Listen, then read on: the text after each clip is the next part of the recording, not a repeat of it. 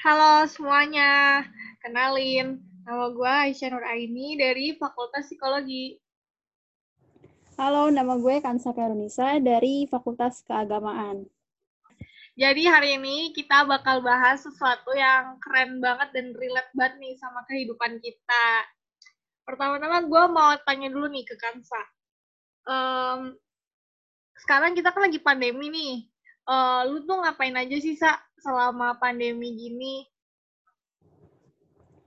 Uh, gue jawab ya, selama pandemi ini ya gue melakukan aktivitas seperti biasa. Bedanya sekarang itu ya dari rumah dan gak bisa ke mana-mana. Kalaupun ke mana-mana pun paling ya masih di daerah komplek lah ya. Uh, dan selama pandemi ini dari awal pandemi, uh, gue bersyukur gue udah berhasil menunaikan kewajiban sebagai mahasiswa uh, nilai plusnya adalah gue juga memenuhi tanggung jawab gue di organisasi dan juga uh, berhasil apa ya memulai uh, bisnis kecil lah. Meskipun kayak cuma reseller tapi gue senang banget karena gue dapet pengalaman di situ. Kalau lu sendiri gimana? Gak jauh beda sih sebenarnya kayak kayak lu gitu. Cuma gue tuh selama pandemi ini tuh awal-awal pandemi itu kan nggak terlalu sibuk ya kelas-kelas gitu. Jadi gue ikut kelas-kelas lain gitu kayak kelas psikologi Islam terus habis itu misalnya gue ikut kelas leadership gitu-gitu sih uh, selama pandemi ini gitu. Terus uh, gini sa kan uh, selama pandemi ini tuh semuanya berubah gitu kan. Maksudnya maksudnya kita tuh dari yang biasanya kuliah serba offline tiba-tiba jadi serba online semua nih. Terus jadwal perkuliahan juga jadi nggak jelas gitu. Terus uh, gimana sih sa cara lu buat manajemen waktu selama pandemi gini? Jujur aja waktu awal pandemi banget uh, eh, gue kelabakan sih ya gue sempat nggak bisa apa ya ngatur waktu. Karena ya itu emang banyak beberapa matkul yang uh, berantakan yang tadinya harus jam segini jadinya jam segini ada ada yang juga dosen yang nggak mau ngadain per, uh, perkuliahan tapi ngad, uh, apa ya ngasih tugas gitu. Jadi uh, waktu awal banget tuh bener-bener belum bisa manajemen waktu. Cuman ya sekarang ini uh, gue bersyukur juga udah mulai bisa sedikit-sedikit uh, manajemen waktu. Caranya sih cukup simpel ya kalau gue boleh kasih saran. Yang pertama itu uh, gue itu suka uh, nulis setiap malamnya itu list to do. Jadi fungsinya apa sih? Ya itu kayak targetan per hari sih. Jadi misalkan besok tuh gue harus ngelakuin apa yang emang sesuatu yang penting dan harus dipenuhi gitu. Terus uh, setiap malam itu pun gue evaluasi kira-kira hari ini uh, target-target gue tercapai nggak gitu. Dan kalau udah tercapai, uh, gue mempersiapkan target untuk hari esok. Dengan kayak gitu kan uh, eh, gue bisa tahu nih kira-kira besok itu gue harus ngapa-ngapain aja jadi nggak kelabakan. Dan banyak banget gitu ya. Mungkin banyak dari nggak gue doang mungkin ya uh, yang ngerasa bahwa tugas gue ini sebenarnya banyak cuy. Tapi gue bingung saking banyaknya gue bingung mau mulai dari mana dulu. Nah itu menurut gue belum tahu ya namanya skala prioritas. Itulah kenapa penting buat bikin targetan. Karena kita jadi tahu skala prioritas kita. Mungkin kalau sebagai mahasiswa kayak tugas makalah, tugas esai itu jadi skala prioritas. Terus yang skala-skala sunahnya itu ya kayak misalkan rapat organisasi atau mungkin yang lebih sunahnya lagi mungkin nyoba-nyoba lomba dan lain sebagainya. Nah, itu penting buat uh, nulis targetan kayak gitu. Terus uh, biasanya gue juga kayak pengen sih apa ya kayak intinya tuh gue pengen menghibur diri ketika weekend. Jadi eh, target-target semua itu kalau bisa saat weekdays itu udah selesai jadi ketika liburan gue bisa santai nonton TV dengerin musik uh, atau jalan-jalan uh, keliling komplek. As simple like that lah. Kalau misalkan dari lu sendiri nih gimana? Oh ya, BTW makasih banget nih udah dikasih sedikit tips. Terus kalau gue sendiri sih, lebih ke arah ini sih kayak nargetin jadi kalau lu kan bikin list to do gitu nah kalau gue tuh tetap ada target oh, iya. cuma ya nggak nggak ditulis gitu karena gue malah kalau ditulis jadi nggak efektif gitu. Jadi gue targetin aja kayak hari ini misalnya gue mau ngerjain tugas A. Terus kalau jadi gue udah ada planning nih kalau misalnya tugas A nggak selesai hari ini ya gue bisa selesaiin yang penting besok ini udah kayak last banget harus selesai banget gitu. Terus abis itu itu sih gak jauh beda kayak lu. Jadi harus kita tuh harus temukan motivasi kenapa kita harus selesaiin tugas kita atau harus ngelakuin sesuatu yang udah kita targetin gitu loh. Soalnya kalau misalnya lu nggak ada motivasi, ya ujung-ujungnya lu bakalan jadi deadlineer juga gitu. Atau bisa jadi manajemen waktu lu berantakan banget gitu kalau misalnya nggak ada motivasi. Cari motivasi mah yang gampang-gampang aja gitu. Contohnya kayak tadi lu misalnya di weekend pengen apa namanya pengen ya refreshing sedikit lah gitu ya gue juga sama sih motivasinya biar gue di weekend itu bisa santai gitu-gitu bisa ngapain aja yang gue pengenin. Jadi biar nggak nugas mulu jadi nggak jenuh gitu. Terus uh, ini nih sa. Uh, selama pandemi gini nih sa kan ini ya kita tuh jarang banget keluar rumah. Terus habis itu kalau interaksi ya, ya paling sama lingkungan keluarga doang gitu loh. Nggak kayak sebelumnya yang kita iya. bisa interaksi sama berbagai macam orang. Nah, uh, dan yeah, yeah, yeah. ini tuh apa ya nimbulin banyak orang itu tuh uh, stres gitu loh. Nah, kalau lu tuh gimana nih? Selama pandemi itu ngerasa stres, tertekan atau gimana gitu atau enggak? Jujur, waktu awal pandemi itu eh, gue merasakan itu stres, jenuh di rumah karena ya emang apa ya belum terbiasa lah ya otomatis eh, banyak hal-hal yang berantakan gitu mulai dari perkuliahan juga apa ya agak sulit lah mengaturnya. Uh, gue pun jadi uh, jadi orang yang deadlineers banget pada saat itu. Gue bisa tidur jam 2 malam jam 3 malam karena buat ngerjain tugas doang. Padahal siangnya itu gue ngapa-ngapain ya itu karena emang belum bisa manajemen waktu. Nah menurut gue ketika saat-saat kayak gini itu penting banget yang namanya manajemen stres juga. Kenapa? Ya karena emang kita tuh dipaksa untuk di rumah aja yang notabene-nya nggak bisa refreshing, yang nggak bisa menghibur diri, uh, ketemu teman dan lain sebagainya. Jadi uh, kita nguatin diri sendiri gitu dengan amunisi diri kita sendiri. Dan ada beberapa hal yang gue lakuin sih untuk manajemen stres gue. Yang pertama sih uh, ketika gue capek, gue tuh udah istirahat dulu untuk sementara. Bahkan mungkin ada saatnya gue bener-bener bilang ke temen gue kalau e, jangan gangguin gue dulu untuk dua hari atau tiga hari ke depan karena emang lagi nggak mau mikirin apa-apa karena lagi ya itu lagi nggak mood aja gitu. Ya karena e, pernah denger juga kan kalau misalkan sesuatu yang dipaksakan itu e, sewaktu-waktu akan e, memberontak gitu. Kayak ada bom waktunya gitu. Iya nggak sih tapi gue mikirnya kayak bener juga sih sesuatu yang dipaksakan itu tuh nggak bagus juga gitu. Karena uh, apa ya kalau misalnya sesuatu tuh dipaksakan jadinya kerjanya juga kurang maksimal gitu loh. Bakal beda hasil kerja yang bener-bener uh, dari hati gitu. Maksudnya maksudnya bukan dari hati juga maksudnya kalau misalnya kita lagi mood ngerjainnya pasti kan lebih baik daripada uh, daripada ngerjain yang dipaksa gitu. Terus habis itu, terus habis itu juga ingat banget nih ada quotes uh, isinya gini. Don't be hard on yourself, you are doing okay gitu. Soalnya gini, kalau misalnya kita terlalu keras sama diri kita sendiri gitu ya, itu tuh nanti juga apa ya kayak ada tekanan buat selalu perfect dalam semua pekerjaan gitu ya nggak sih Iya benar-benar gue setuju, Iya kan, nah jadinya kalau misalnya lu kerjain semuanya pengennya dengan perfect lama kelamaan lu bakal apa ya kayak terlalu nge-push diri lu terlalu kuat dan nantinya lu bakal capek sendiri gitu loh. Dan itu juga jadi bisa jadi salah satu pemicu buat stres gitu. Jadi ya don't be hard on yourself gitu sih. Iya. Singkatnya mah santai aja lah ya gitu iya kayak ya kerjain semaksimal mungkin cuma ya namanya manusia nggak bisa 100% ngerjain perfect. Uh, perfect gitu loh. Iya, iya.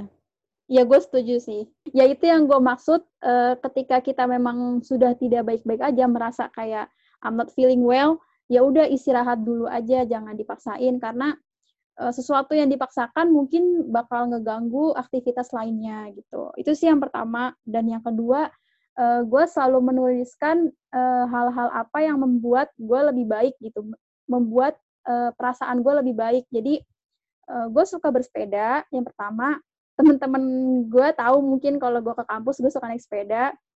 Nah ketika pandemi kayak gini kan ya mau nggak mau gue nggak bisa bersepeda dong. Paling keliling komplek doang. Ya it's okay gitu. Terus yang kedua gue suka ngegambar juga. Uh, yang ketiga gue kadang kalau telepon sama temen uh, suka sampai dua jam, tiga jam itu kita cuman cerita-cerita hal-hal yang receh aja sih sebenarnya. Jadi ketika gue merasa bahwa uh, eh, gue nggak baik-baik aja nih, gue lagi capek, gue lagi jenuh, gue lagi nggak mood, ya gue melakukan uh, hal-hal yang membuat mood gue tuh naik gitu.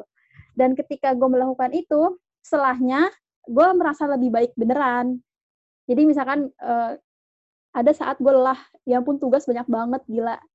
Uh, gue kapan istirahatnya. Nah, terus ketika udah capek banget, uh, gue menghibur diri dengan menggambar. Itu bener-bener healing banget gitu buat diri gue. Setelah gambar 30 menitan atau 20 menitan, ya gue merasa lebih baik gitu. Jadi penting banget sih buat uh, orang-orang kayaknya menuliskan hal-hal apa yang dia senengin. Jadi ketika dia sedih, dia bisa melakukan itu supaya uh, apa ya kondisi jiwa atau mentalnya lah ya itu uh, bakalan merasa lebih baik gitu. Iya iya benar-benar. Um, gue juga apa ya jadi ingat kalau ada yang namanya katarsis gitu. Jadi kalau katarsis itu tuh kalau bahasa gue ya, bahasa gue itu kayak menyalurkan emosi dengan cara yang tepat gitu loh. Jadi apa ya emosinya itu tuh nggak ditahan tapi disalurkan ke hal-hal yang lebih baik gitu loh. Contohnya kayak tadi kalau lu tuh suka nyepeda atau gambar atau cerita ke teman gitu. Jadi dan apa ya bentuk katarsis tuh banyak banget gitu dan setiap orang punya cara tersendiri gitu buat menyalurkan emosi yang tepat gitu loh. Contohnya bisa juga berdoa, beribadah itu juga salah satu termasuk katarsis. Terus habis itu nulis itu juga salah satu katarsis. Kalau bisa itu jangan kalau kita ngerasa udah capek atau pokoknya emosinya campur aduk perasaannya nggak enak itu tuh jangan di diemin aja gitu loh karena kalau misalnya lu diemin aja itu jadi sama aja kayak uh, lu tuh mendem emosi lu gitu loh dan kalau lu mendem emosi lu tuh itu nanti lama kelamaan bakal bisa meledak gitu jadi kayak ini loh pepatah sedikit-sedikit lama-lama jadi bukit. Nah kalau yes. emosi ini sedikit-sedikit lama-lama jadi meledak gitu intinya. Jadi uh, penting banget sih namanya buat menyalurkan emosi dengan cara oh. yang tepat gitu. Uh, terus katarsis lu tuh gimana sih? Oh kalau gua sih biasanya kalau nggak doa atau nggak beribadah terus kadang gue tuh suka nulis gue juga suka gambar kadang. Cuma biasanya gambar itu gue butuh waktu lama gitu kayak dua jam. Jadi gue uh, katarsis yang paling cepet ya paling biasanya nulis. Atau enggak gue biasanya nontonin film yang sedih atau yang lucu. Jadi apa ya uh, emosi perasaan gue tuh tersalurkan dengan baik gitu sih. Oke okay, oke. okay. Iya iya, beda-beda lah ya orang-orang. Iya, jadi ya temukan gimana cara kalian ngerasa biar emosi dan perasaan kalian tersalurkan dengan baik gitu. Iya benar-benar. Uh, iya itu penting banget sih. Jadi harus ingat-ingat apa yang membuat uh, lu tuh merasa oh gue senang nih ketika melakukan ini. Jadi ketika gue sedih ya kalau bisa larinya ke situ dulu deh gitu. Terus uh, apa ya ada ada sih ada lagi kayak uh, karena kan ini pandemi ya masa pandemi itu otomatis uh, kita itu benar-benar memanfaatkan internet teknologi gitu dengan uh, apa ya full lah full gitu. Yang tadinya kita bisa bertemu tapi ujung-ujungnya sekarang melalui virtual yang mau nggak mau pakai internet lagi. Nah karena emang zaman udah canggih banget informasi-informasi itu numpuk gitu untuk disebarluaskan Jadi zaman sekarang tuh kayak buat uh, info-info itu gampang banget gitu, nggak perlu nulis artikel segala macem, lu tinggal buat BCAan di WhatsApp juga udah jadi gitu. Nah, hal itu ada sisi positif dan negatifnya. Yang negatifnya ya banyak banget bersebaran info-info hoax gitu. Nah, yang kayak gini nih, kadang bikin emosi itu suka membara-bara, asik. Gimana ya? Uh, mungkin pernah baca buku judulnya Filosofi Teras. Itu tuh kayak kita tuh uh, bisa apa ya? Yang bisa mengatur persepsi itu adalah kita gitu. Jadi pas kita membaca sebuah informasi, kita tuh punya pilihan untuk uh, kesel, marah-marah, emosi segala macem, sama kayak yang kedua mungkin kayak chill aja gitu, santai uh, apa ya jangan terlalu diambil serius kalau misalkan lo merasa bahwa ini tuh berita yang gak bener, bisa ambil sisi positifnya, di mana kayak, oh berarti gue harus ngeriset nih tentang info ini, gitu. Jadi, kalau menurut gue, selektif terhadap informasi yang berdatangan itu penting banget sih. Kalau misalkan menurut lo sendiri gimana nih? Karena kan iya, informasi itu gak, gak kayak cuman informasi tentang apa ya, tentang politik atau apa. Menurut gue banyak banget sih informasi sekarang tuh. Iya iya. Jadi uh, ini juga nih kayak misalnya snap snap WA, snapgram, terus postingan-postingan orang di sosial media itu juga jadi salah satu bentuk dari informasi gitu loh. Dan oh, iya, betul. informasi yang didapetin itu juga bisa bawa sisi positif dan sisi negatif ke diri kita sendiri gitu loh kita juga harus bisa milah mana informasi yang kita dapetin dari postingan-postingan di sosial media itu tuh yang baik buat kita sama mana yang kita pilih mana yang buat kita tuh jadi merasa nggak nyaman gitu loh kan uh, kan bisa aja ya kita merasa nggak nyaman sama postingan seseorang gitu. Soalnya gue juga pernah ngerasain gitu sih. Kalau lu pernah ngerasain kayak gitu juga nggak sih? Oh, gue pernah, tentu saja pernah dong.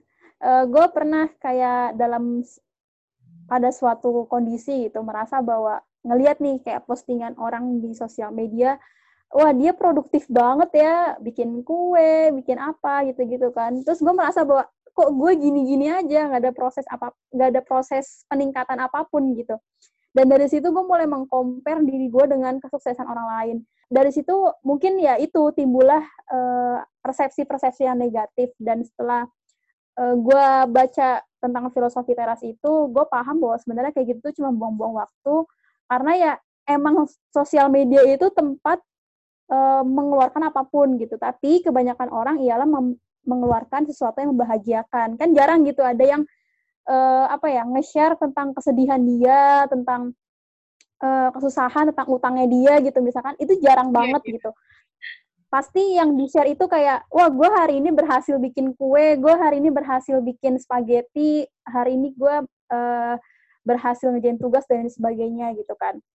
Nah, dari situlah gue mulai menseleksi juga sih waktu awal-awal belum bisa uh, apa ya belum bisa mengatasi yang mengcompare diri gue itu gue mulai menseleksi uh, apa ya kehidupan mana yang memang harus gue lihat dan tidak gitu tapi yeah, yeah. sekarang gue udah biasa aja Iya, gue juga, gue juga sama sih kayak lu. Cuma gue ini lebih milih kayak ya udah nggak gue nggak usah gue lihat gitu daripada bikin gue apa yang menimbulkan rasa bandingin diri gue sendiri sama orang lain gitu. Karena kalau kita banding-bandingin diri kita sama orang lain itu tuh nanti jatuhnya jadi kita nggak menghargai diri kita sendiri gitu loh. Karena apa ya? Iya, iya, benar, benar. apa yang udah dicapai orang lain ya itu sesuai dengan kapasitas dan kemampuan dia gitu loh. Dan apa yang dicapai sama diri gue ya ini sesuai kemampuan dan kapasitas gue gitu. Cuma kadang ya namanya pikiran ya kalau misalnya udah banding bandingin gue sama yang lain ya nggak nggak mikir kalau kita punya ke kapasitas dan kemampuan yang berbeda loh gitu. Dan ya itu intinya kita jadi nggak menghargai diri kita sendiri. Jadinya ya itulah yang menum yang menimbulkan stres gitu di masa pandemi ini.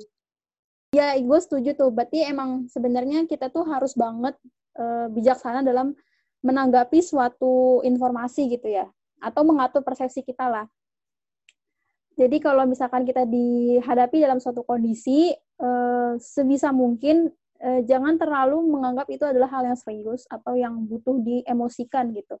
Ya santai dulu aja lah. Kita eh, kalau bahasa Arabnya tabayun dulu gitu.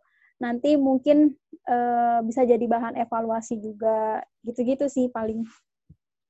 Nah, kalau gue sih kayak gitu ya, Syah. Kalau misalkan lu sendiri gimana? Ada tambahan nggak kira-kira gimana sih cara lu tuh uh, menghandle manajemen stres? Jadi gue dapet tips dari dosen gue. Jadi beliau itu bilang kalau kita tuh harus sering-sering uh, mengingat pengalaman-pengalaman positif yang udah kita lalui gitu loh. Jadi pengalaman itu kan nggak semuanya positif ya, ada pengalaman negatif juga. Contohnya kayak misalnya nggak keterima daftar volunteering kah? Atau misalnya pengalaman yang memalukan itu kan juga salah satu pengalaman negatif gitu ya. Dan dan biasanya itu orang-orang itu tuh lebih banyak nginget pengalaman-pengalaman negatif dia gitu daripada pengalaman positif. Iya, iya, ya nggak sih? Kalau gue ya gue juga gitu soalnya. Iya gue juga gitu. Jadi banyak banget yang gue inget pengalaman-pengalaman negatif gitu. Dan sebenarnya itu tuh nggak bagus karena itu juga bisa memicu stres kita gitu loh. Jadi ya kita harus banyak-banyak nginget pengalaman-pengalaman positif kita. Contohnya kayak kalau apa ya kasus gue kan misalnya daftar kegiatan volunteering gitu. Nah, misalnya nggak keterima nih, yang harus gue inget-inget tuh bukan masalah gue keterima atau enggaknya, tapi yang harus gue inget tuh adalah keberanian gue buat menyisikan waktu biar gue bisa daftar di acara volunteeringnya gitu. Yang harus gue inget-inget tuh itu. Karena dari pengalaman positif-positif yang udah kita lalui itu tuh bisa jadi salah satu kekuatan kita biar ngasih apa ya semangat selama pandemi ini biar kita terus jalan terus gitu loh. Gitu sih. Uh, iya benar banget. Jadi emang uh, apa ya kayak mengingat sesuatu yang positif gitu uh, let's say perjuangan kita lah ya yang tadi lu bilang uh, berjuang untuk bisa keterima jadi volunteer itu emang sebenarnya nggak mudah karena uh, ada banyak faktor X yang di luar dari kemampuan kita yang harus diapresiasi adalah keberanian untuk mengambil tantangan itu. Jadi ketika hasilnya pun ditolak, ya menurut gue, ya it's okay, it's not a big problem gitu. Yang penting kan ada evaluasi yang bisa diambil dalam diri kita. Uh, tapi ketika kita mengingat memori itu ya, yang diingat adalah, ya gue bersyukur gue udah berani untuk mendaftar, gue udah berani untuk uh, menantang diri gue mencoba seleksi dalam volunteering ini. Dan menurut lo itu kan kayak complicated terhadap diri sendiri ya kalau dari lingkungan itu ada nggak sih? Iya iya, jadi uh, lingkungan itu juga berperan banget nih buat apa ya menentukan kita tuh bakal terlepas dari stres atau nambah stres gitu. Jadi um, biar kita nggak stres nih perlu banget ada yang namanya kayak dukungan sosial gitu. Jadi kita tuh uh, perlu buat dapat dukungan dari orang lain dan kita juga perlu buat mendukung orang lain gitu loh karena kalau misalnya kita pengennya didukung terus tapi kita nggak dukung orang lain ya yang ada yang stres orang lain gitu loh. Jadi selama pandemi itu kita harus saling mendukung gitu biar uh, lingkungan sekitar kita itu juga nggak stres gitu. Contohnya kayak misalnya lu kasih kabar gitu ke teman lu atau misalnya lu kasih apa ya semangat ke teman lu itu juga jadi um, salah satu cara biar selama pandemi ini tuh bisa terlepas dari stres gitu loh. Saling support lah ya. Iya iya iya benar saling support gitu. Terus juga ini ini kan uh, selama pandemi ini kita kan di rumah terus ya. Jadi ya uh, adain lah waktu buat family time gitu karena itu juga bisa jadi recharge biar kita nggak terlalu lelah dan jenuh pas pandemi gini gitu jadi sebenarnya stres itu ya bisa dibilang apa ya wajar gitu loh. Karena ya setiap orang ngalamin stres gitu. Cuma bahayanya kalau misalnya stresnya itu berlarut-larut gitu dia bakal apa ya ngaruh ke kesehatan mental maupun fisik lu juga gitu. Jadi kita ini sebelum stres yang berlarut-larut ketika ada stres itu ya harus kita tanggulangi lah dengan cepat gitu loh. Jadi kalau misalnya diri gue sendiri nih ternyata nggak bisa nanganin stres gue, ya berarti tandanya gue perlu ke profesional gitu loh. Iya, iya, iya. Uh, pokoknya sebisa mungkin kita inilah ya, uh, apa ya, mencari tahu apa yang membuat kita lebih baik gitu. Tapi ketika emang berbagai cara udah diusahakan tapi uh, itu belum berhasil ya berarti emang kita butuh uh, orang yang lebih memahami tentang uh, mental atau apa pun itulah gitu ya. Iya iya betul betul. Dan gue pernah baca quotes juga uh, kalau misalkan lu tuh nggak apa-apa ketika merasa tidak baik-baik saja itu adalah hal yang wajar semua orang juga pasti pernah merasakannya uh, apa ya nggak usah malu gitu nggak usah merasa stres. Itu malah makin memperburuk suasana. Jadi uh, ya udah terima aja, istirahat ketika lelah dan berusaha untuk bangkit uh, menyemangati diri sendiri lah. Atau emang ketika lu butuh teman ya lu curhat. Atau mungkin ketika sama sekali nggak bisa dihandle ya lu butuh profesional. Itu yang seperti tadi kata Aisyah.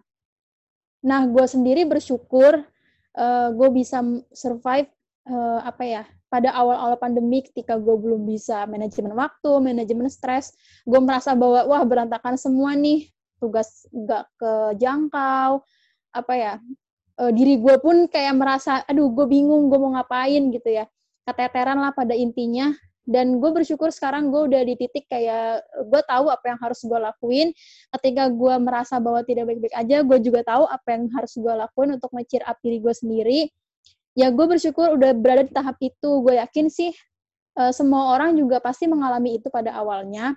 Tapi mereka berusaha untuk bangkit uh, dan apa ya memperbaiki lah memperbaiki kira-kira apa yang perlu uh, jadi bahan evaluasi gitu. Kalau dari lu sendiri gimana sih kalau gue ya sama sih nggak jauh dari lo gitu. Gue bersyukur banget karena um, selama pandemi ini tuh sebenarnya banyak banget pembelajaran yang bisa didapetin gitu loh. Dan apa ya pembelajaran itu tuh bukan berarti semuanya enak gitu. Maksudnya mulus-mulus aja enggak. Tapi adalah apa ya kayak jalan terjal gitu dalam proses belajar itu gitu.